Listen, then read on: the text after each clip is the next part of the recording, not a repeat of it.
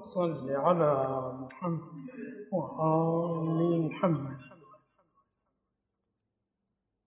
كنا نتكلم في أجواء مناسبة الغدير التي تحل علينا غدا إن شاء الله.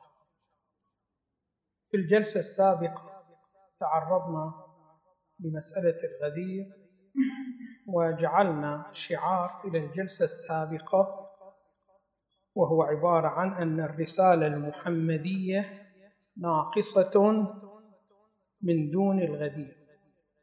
رسالة المحمدية ناقصة من دون الغدير. وبينا هذا الأمر في الجلسة السابقة.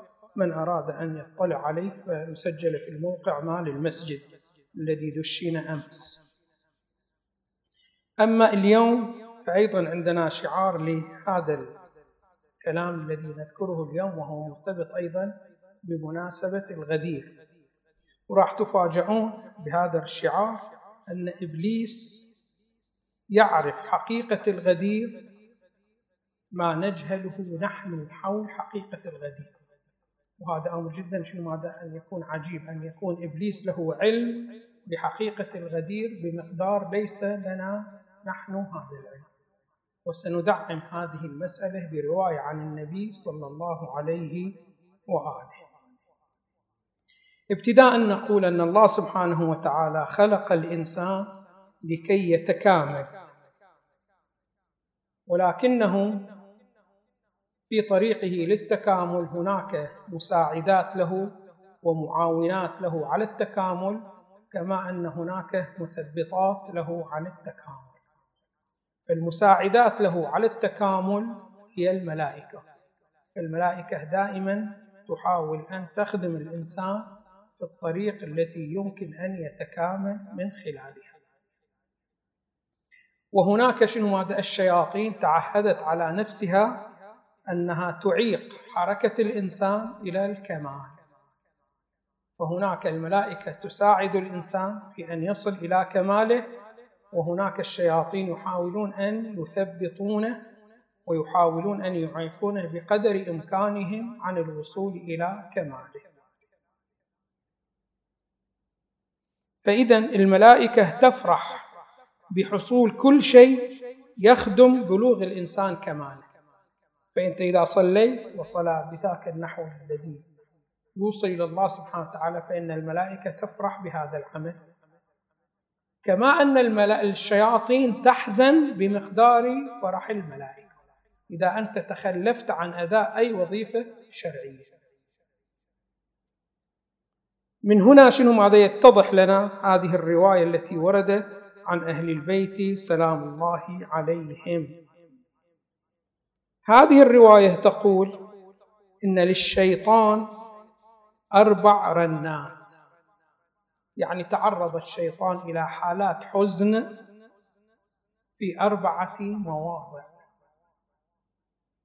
وكل موضع حصلت هذه حالة من الحزن له فإنه يرن رنة جدا. شنو ماذا؟ عجيبة على وزان المرأة عندما ترن حين تفقد حبيب أو عزيز من أعزتها. كذلك الشيطان حزنا رن في أربعة مواضع. الموضع الأول حين لعن كما يذكر القرآن. وإن لعنتي عليك إلى يوم الدين.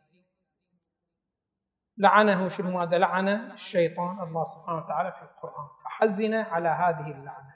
وهذه اللعنة هي عبارة عن التقدير في علم الله سبحانه وتعالى أن الشيطان يكون مبعد عن الله سبحانه وتعالى. تقدير. فهو عندما قدر له هذا الأمر أحزنه هذا الأمر. فرن رنة جدا عجيبة الرنة الثانية هي حين بعث النبي صلى الله عليه وآله لأنه بعثة النبي صلى الله عليه وآله مدارها على ماذا؟ على وصول الإنسان إلى كماله لأنه جاء بكل شيء يمكن أن يوصل الإنسان إلى كماله. والشيطان هو مضاد لوصول الإنسان إلى كماله. فلذلك شنو ماذا؟ رنة من الحزن رنة جدا عظيمة. هذه أيضا شنو هذا الرنة الثانية. الرنة الثالثة هي قبل الرنة الثانية المفروض أذكرها ولكن هي شنو ماذا؟ هي الثانية حقيقة. والرنة الثالثة كان بمناسبة بعثة النبي الرنة الثالثة أو الرنة الثانية هي حين أخرج من الجنة. كان إبليس قريب من غرفة اتخاذ القرار. فإن الجنة قريبة من الله سبحانه وتعالى وكان فيها الملائكة. وكان إبليس حين ذاك يعني قبل خلق الإنسان لم يتميز عن الملائكة. عندما خلق الإنسان اختلف إبليس عن الملائكة فتميز عنهم. فأخرج من الجنة. إذا شنو ماذا أخرج من الجنة؟ بعد خلق الإنسان. لأنه تعهد على نفسه بعداوة الإنسان بعداوة الإنسان وإعاقة الإنسان عن بلوغه إلى كماله فأطرد من الجنة فبعد عن غرفة اتخاذ القرار. وهنا أيضا حزن إبليس حزنا شديدا ورن رنة عظيمة. الرنة الأعظم التي حصلت من إبليس كما ترد في الرواية هو يوم الغدير يوم أن نصب أمير المؤمنين سلام الله عليه خليفة لرسول الله صلى الله عليه وآله رن إبليس رنة عظيمة. وسبب رنته العظيمة هنا بل هي أعظم من الرنات السابقة أن هذه الأمور السابقة التي حصلت لا تؤدي ثمرتها بنحو تام إلا ببيعة الغدير وإلا بتنصيب أمير المؤمنين سلام الله عليه في الغدير فمعنى أنه هذه النقطة الأساسية في بلوغ الإنسان إلى كماله. فالإنسان الذي يريد أن يبلغ لكماله يستحيل أن يبلغ إلى كماله من غير إمضاء بيعة الغدير فهنا عندما حصلت شنو هذا التنصيب وأخذ على المؤمنين بيعة الغدير إبليس هنا أيضا رن رن جدا شنو هذا عظيمة خب هذه الرنة متى تصدر من إبليس؟ تصدر من إبليس إذا علم بحقيقة الغدير. ما هي الأمور التي تترتب على الغدير؟ وما هي السلبيات التي تترتب على عدم وجود الغدير؟ إبليس عندما أدركها فأدرك الخطورة الأمر بالنسبة لمشروعه وهو إضلال الإنسان. فلذلك رن رن جدا شنو هذا؟ جدا عجيب. إذا إبليس يعلم بالغدير أكثر من علمنا نحن بالغدير. لا تتعجب ولا تستنكر هذا الشعار إذا جعلنا بأن الغدير له إبليس له معرفة بالغدير تفوق معرفتنا إحنا شنو ماذا بالغدير. لماذا؟ لأنه لاحظوا عندنا مسألة جدا شنو ماذا؟ مهمة. وهي مرادة من إحياء المناسبات. إحنا تلاحظون بأنه ما شاء الله المناسبات عندنا إحنا جدا كثيرة. يعني إذا حسبت أنت شنو ماذا عندك؟ 24 مولد أو 12 مولد و11 وفاة باعتبار الإمام سلام الله عليه الثاني عشر بعد ما له وفاة. واضح شنو؟ فعندك 23 مناسبة فقط مرتبطة بالأئمة سلام الله عليهم بالنبي والأئمة سلام الله عليهم.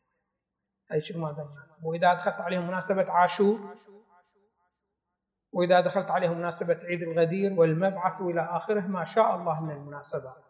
فيقولون شنو ماذا؟ المذهب الإمامي واليهود. هؤلاء اثنيناتهم عندهم مناسبات جدا شنو هذا كثيرة.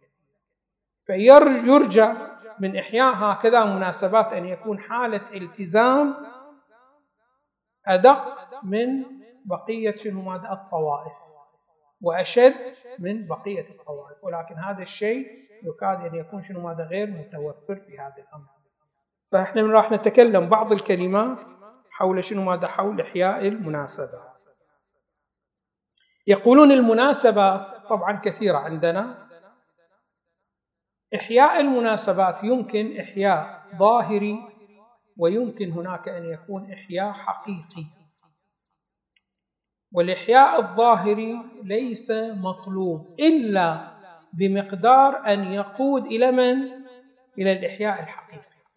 أما بالنسبة إلى الشخص الذي يبقى في محله ويختزل الإحياء فقط في الإحياء الظاهري فهذا في الواقع شنو ماذا؟ ضيع أمره فالإحياء الظاهري مطلوب ولكن مطلوب بما يكون وسيلة للإحياء الحقيقي.